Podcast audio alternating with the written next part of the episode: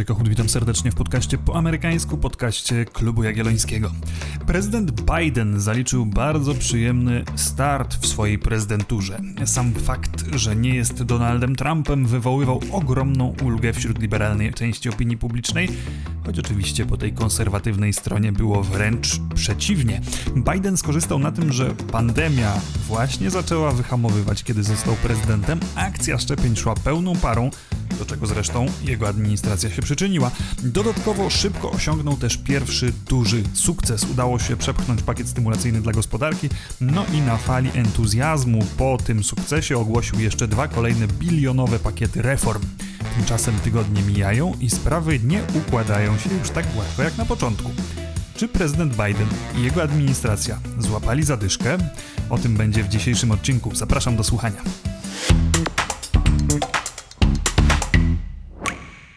Sygnałem, że sam Biden wyczuwa, że nastąpiła jakaś zmiana w społecznych i dziennikarskich nastrojach, może być jego zachowanie na jednej z ostatnich konferencji prasowych, gdzie po kilku pytaniach dotyczących Afganistanu prezydent zdecydował, że nie odpowie już na dalsze pytania, bo chciałby rozmawiać o rzeczach wesołych, wszak zbliżało się święto niepodległości. Brzmi to trochę podobnie jak narzekanie Bidena po spotkaniu z Putinem w Genewie, kiedy to rugał dziennikarzy, że nie zadają mu pozytywnych pytań. Nie jest to najszczęśliwsza reakcja głowy państwa na wątpliwości reporterów. Ale kłopoty spadające na administrację Bidena zaczynają się szybko piętrzyć. Dobrze pokazuje to właśnie te ostatnie święto niepodległości, bo jeszcze w maju Biden zapowiadał, że do tego czasu 70% Amerykanów zaszczepi się przynajmniej jedną dawką, a dla Stanów Zjednoczonych te wakacje, które rozpoczną się po święcie niepodległości, będą czasem wielkiego powrotu do normalności, zasłużonym oddechem po wielu miesiącach niepokojów związanych z pandemią. No i z jednej strony Ameryka rzeczywiście się do tego celu zbliżyła. Liczba nowych zakażeń i śmierci spowodowanych COVID-19 nie była tak niska od samego początku pandemii, a do wyznaczonego przez Bidena celu szczepień, czyli tych 70% zaszczepionych przynajmniej jedną dawką, zabrakło ledwie kilku procent. Jednak to, że ich zabrakło, jest niestety bardzo znaczące. Jeszcze w kwietniu zdarzało się, że w Stanach Zjednoczonych dokonywano ponad 4 milionów szczepień dziennie. Dziś trudno jest dobić do miliona dawek rozdysponowanych jednego dnia i prognozy, które jeszcze niedawno wskazywały, że cała populacja kraju może zostać zaszczepiona nawet przed wakacjami, zostały znacząco skorygowane i wskazują na lipiec przyszłego roku, jako na ten moment, kiedy 100% Amerykanów zostanie zaszczepionych, co pewnie i tak jest tylko pobożnym życzeniem tych, którzy te prognozy tworzą, bo badania opinii publicznej pokazują, że 27% mniej więcej 1 czwarta obywateli Stanów Zjednoczonych wcale się szczepić nie zamierza. To zaś w połączeniu z już szerzącym się w USA wariantem delta koronawirusa powoduje, że koniec pandemii jakby się znowu oddalił. Dodatkowo 4 lipca, który w tym roku miał się znacząco różnić od tego, co widzieliśmy w roku poprzednim, czyli tego święta obchodzonego w warunkach pierwszych miesięcy pandemii, protestów na ulicach amerykańskich miast, no i oczywiście burzliwej, toczącej się już kampanii wyborczej, tym razem upłynął niestety w cieniu wielkiej tragedii. 24 czerwca runęła część apartamentowca w Surfside leżącym tuż nad słynnym Miami Beach. E, pewnie widzieliście sporo tych obrazków w telewizji. Pod gruzami zginęło najpewniej ponad 100 osób, a w tygodniu poprzedzającym e, Święto Niepodległości cała Ameryka obserwowała w napięciu akcję poszukiwawczą ofiar, a także przygotowania do wysadzenia resztek budynku, no bo zbliżał się sztorm tropikalny i trzeba było jakoś zabezpieczyć te ruiny, które pozostały przed dalszym upadkiem. Te dramatyczne obrazki z całą pewnością utrudniły zbudowanie takiego radosnego klimatu dla 4 lipca, jakiego oczekiwał Joe Biden. Chociaż dla porządku chyba należy zaznaczyć, że ze statystyk podróży podejmowanych przez Amerykanów w tym okresie widać wyraźnie, że normalność jednak w jakimś stopniu wróciła. Podróżujących samolotami i samochodami jest już prawie tyle samo co w 2019 roku, a więc na rok przed pandemią. Kolejną trudną informacją dla administracji Bidena jest sytuacja w Afganistanie. Wraz z wycofywaniem się amerykańskich wojsk z tego kraju rosną postępy talibów, którzy najwyraźniej postanowili nawet nie czekać, aż zamkną się drzwi za ostatnim amerykańskim żołnierzem i rozpocząć odbijanie terytorium. Wiele wskazuje więc na to, że 20 lat amerykańskiej misji nie zmieniło niczego, a następne lata przyniosą tylko odnowiony konflikt wewnętrzny w Afganistanie. No i oczywiście krytyka za ten stan rzeczy spadnie na Bidena i jego administrację. Będą wracały takie pytania, czy decyzja o wycofaniu wojsk nie była jednak przedwczesna. Za każdym razem, kiedy media obiegną doniesienia, że talibowie zajęli jakiś kolejny kawałek kraju, że kolejni żołnierze afgańscy uciekli przez granicę, albo kolejny amerykański generał zada pytanie, czy nie można było tego rozwiązać lepiej, Biden będzie w defensywie. Tego oczywiście można się było spodziewać. Gdyby misja w Afganistanie była łatwiejsza do zakończenia, nie trzeba by było zwlekać z tym przez 20 lat.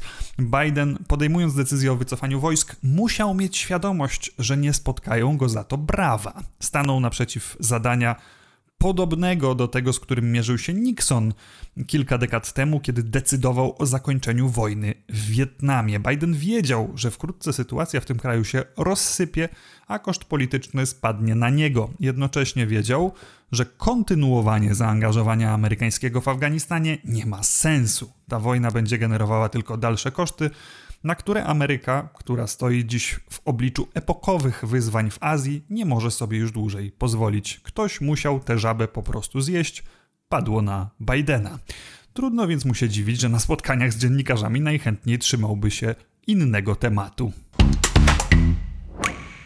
Kłopot w tym, że na krajowym podwórku również idzie Bidenowi opornie. Kamala Harris, o której kłopotach nagrałem niedawno odcinek, pojechała wreszcie na amerykańsko-meksykańską granicę.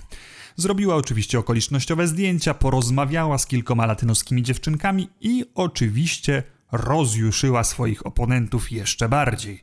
Komentarze w stylu za mało i zbyt późno królowały w konserwatywnych mediach, a krytycy wskazywali, że Harris nie pojechała do prawdziwego epicentrum kryzysu granicznego, czyli do Doliny Rio Grande, tylko w zupełnie inne miejsce, do El Paso. Republikański gubernator Teksasu Greg Abbott irytował się, że nie znalazła czasu, by porozmawiać ze zwykłymi mieszkańcami stanu dotkniętymi skutkami tego kryzysu granicznego. Harris nie zaprezentowała też sposobu na wyjście z sytuacji, ale za to udało jej się obciążyć odpowiedzialnością administrację Trumpa, czym oczywiście dodatkowo zdenerwowała republikanów. Wizytą w El Paso sytuacji więc nie załagodziła, zresztą mówiłem e, w tym odcinku o Kamali Harris, że rozumiem powody, dla których dotąd granicy nie odwiedzała. Została jej przydzielona inna rola, miała się zajmować głębokimi przyczynami e, tego napływu imigrantów do Stanów Zjednoczonych, a nie obecną falą na granicy. To republikanie starali się ją wepchnąć w rolę odpowiedzialnej za ten bieżący kryzys, tylko że teraz, kiedy zdecydowała się na ten nagły zwrot i jednak pojechała na granicę, no to właściwie przyznała im rację. Teraz już nieodłącznie będzie twarzą tego kryzysu. Dodatkowo media wciąż donoszą o niezadowoleniu i walkach wewnętrznych w jej własnym biurze, co oczywiście nie poprawia jej wizerunku. Pani wiceprezydent jest więc chwilowo raczej dodatkowym obciążeniem, a nie pomocą dla Bidena. A kwestia imigracji to przecież tylko wierzchołek góry lodowej. O wiele większym wyzwaniem może się okazać, znowu nie ma w tym żadnej niespodzianki, przeprowadzenie tych wielkich reform, które Biden zdążył zapowiedzieć. Na kilka dni przed 4 lipca, po całych tygodniach negocjacji z republikańskimi senatorami, Biden ogłosił, że udało mu się zbudować ponadpartyjne porozumienie – z propozycji miliardowych inwestycji w infrastrukturę wykrojono taki kawałek, który może być zaakceptowany przez obydwie strony politycznej barykady, a więc drogi, mosty, szybki internet, takie kwestie, o których nawet administracja Trumpa często wspominała jako o tych, które wymagają inwestycji w najbliższym czasie. Oczywiście, zwłaszcza dla progresywnych demokratów, to jest zdecydowanie zbyt mało więc równolegle Partia Demokratyczna prowadzi drugą rozgrywkę o ustawę budżetową. Taka ustawa budżetowa może zawierać wskazówki dotyczące rekoncyliacji, czyli już po jej uchwaleniu będzie ją można jeszcze zmienić, manipulując zapisami dotyczącymi wydatków, wysokości długu itd., tak itd. Tak I w ten sposób, wyobrażają sobie demokraci, będzie można tylnymi drzwiami przepchnąć te propozycje reform, na które normalnie republikanie nie chcą się zgodzić i które blokowaliby z całą mocą za pomocą obstrukcji parlamentarnej. Republikanie z kolei są przekonani, że takiej ustawy budżetowej, która pozwalałaby demokratom na taki ruch, po prostu nie można przepuścić. No i dlatego progresywni demokraci naciskają na Bidena, żeby połączył te dwie kwestie, to znaczy tę ponadpartyjną ustawę o infrastrukturze z tą ustawą budżetową. Biden nawet zgłosił taką deklarację. Powiedział, że nie podpisze tej ponadpartyjnej ustawy bez e, ustawy budżetowej,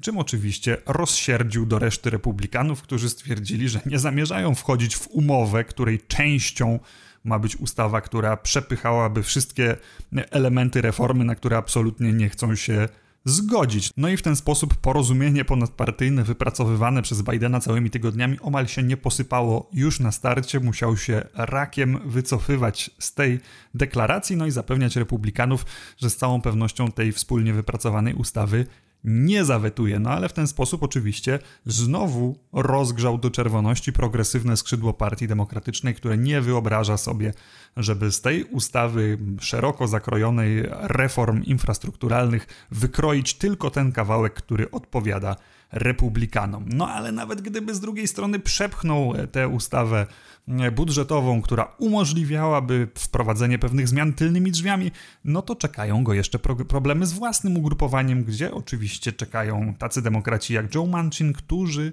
z pewnym niepokojem patrzą na proponowaną skalę wydatków i chcieliby ją ograniczyć. Wiem, wiem, komplikacji jest tutaj mnóstwo, trudno się w tym połapać. Może kiedyś zrobię nawet e, taki odcinek specjalny o reformie infrastrukturalnej dla koneserów, żebyście się w tym serialu mogli lepiej odnaleźć. Jak na razie sygnalizuję tylko, że dla Bidena nie ma tutaj łatwych piłek, pozostając e, w nomenklaturze piłkarskiej, no bo wszak euro wciąż jeszcze trwa, e, i nie ma tutaj dobrych rozwiązań. Czegokolwiek nie zrobi, będzie źle albo jeszcze gorzej, a on jakoś przecież musi z tej obietnicy reformy wybrnąć. No i jakby tego wszystkiego było jeszcze mało, Ataki hakerskie, kolejna seria ataków typu ransomware. E, mówiliśmy o nich zresztą więcej e, we wspólnym odcinku z Bartkiem Paszczą. E, no i tropy ponownie prowadzą do Rosji. Oczywiście trudno będzie dociec, czy to Kreml odpowiada za te konkretne ataki, choć Biden zlecił już amerykańskim służbom znalezienie winnych, więc może się czegoś dowiemy, ale Trudno jednak pozbyć się wrażenia, że to się układa w pewną całość. Biden spotkał się w Genewie z Putinem, ostrzegał go, żeby nie ważył się na kolejne cyberataki wymierzone w Stany Zjednoczone. Putin tymczasem na konferencji prasowej oczywiście odpowiedział, że o niczym nie wie, a najwięcej cyberataków to pochodzi ze Stanów Zjednoczonych i Kanady, ale jakoś trzy tygodnie później znowu mamy potężne ataki hakerskie wymierzone w amerykańskie firmy. Zupełnie jakby Putin chciał powiedzieć, no i co teraz? Co mi właściwie zrobicie? E, mówiłem już wcześniej w podcaście, że te działania w sieci są dla Putina właściwie idealne, bo to taki odpowiednik wysyłania zielonych ludzików przez granicę. Zawsze można powiedzieć, że się o niczym nie wiedziało, a takich hakerów można kupić w każdym sklepie z hakerami. Idealne narzędzie, żeby testować amerykańską cierpliwość i zdolność do odpowiedzi. I tutaj chyba skończę, choć tych wątków nazbierało się pewnie jeszcze więcej i można by jeszcze długo mówić o kłopotach jakie się przed Bidenem pojawiły. Ja starałem się zasygnalizować te najważniejsze, wiążące się z polityką zagraniczną, Afganistanem i Rosją, z polityką wewnętrzną, czyli kwestiami imigracyjnymi i tą reformą infrastrukturalną oraz to, co wiąże się z bezpieczeństwem wewnętrznym Amerykanów, czyli po prostu z pandemią koronawirusa, akcją szczepień i tym, że być może normalność wcale jeszcze na dobre nie wróciła. Bardzo Wam dziękuję za wysłuchanie tego odcinka. Mam nadzieję, że Wam się podobało. Zachęcam Was oczywiście niezmiennie do subskrybowania i followowania podcastu po amerykańsku na tych platformach, na których aktualnie słuchacie. No i oczywiście do wsparcia finansowego.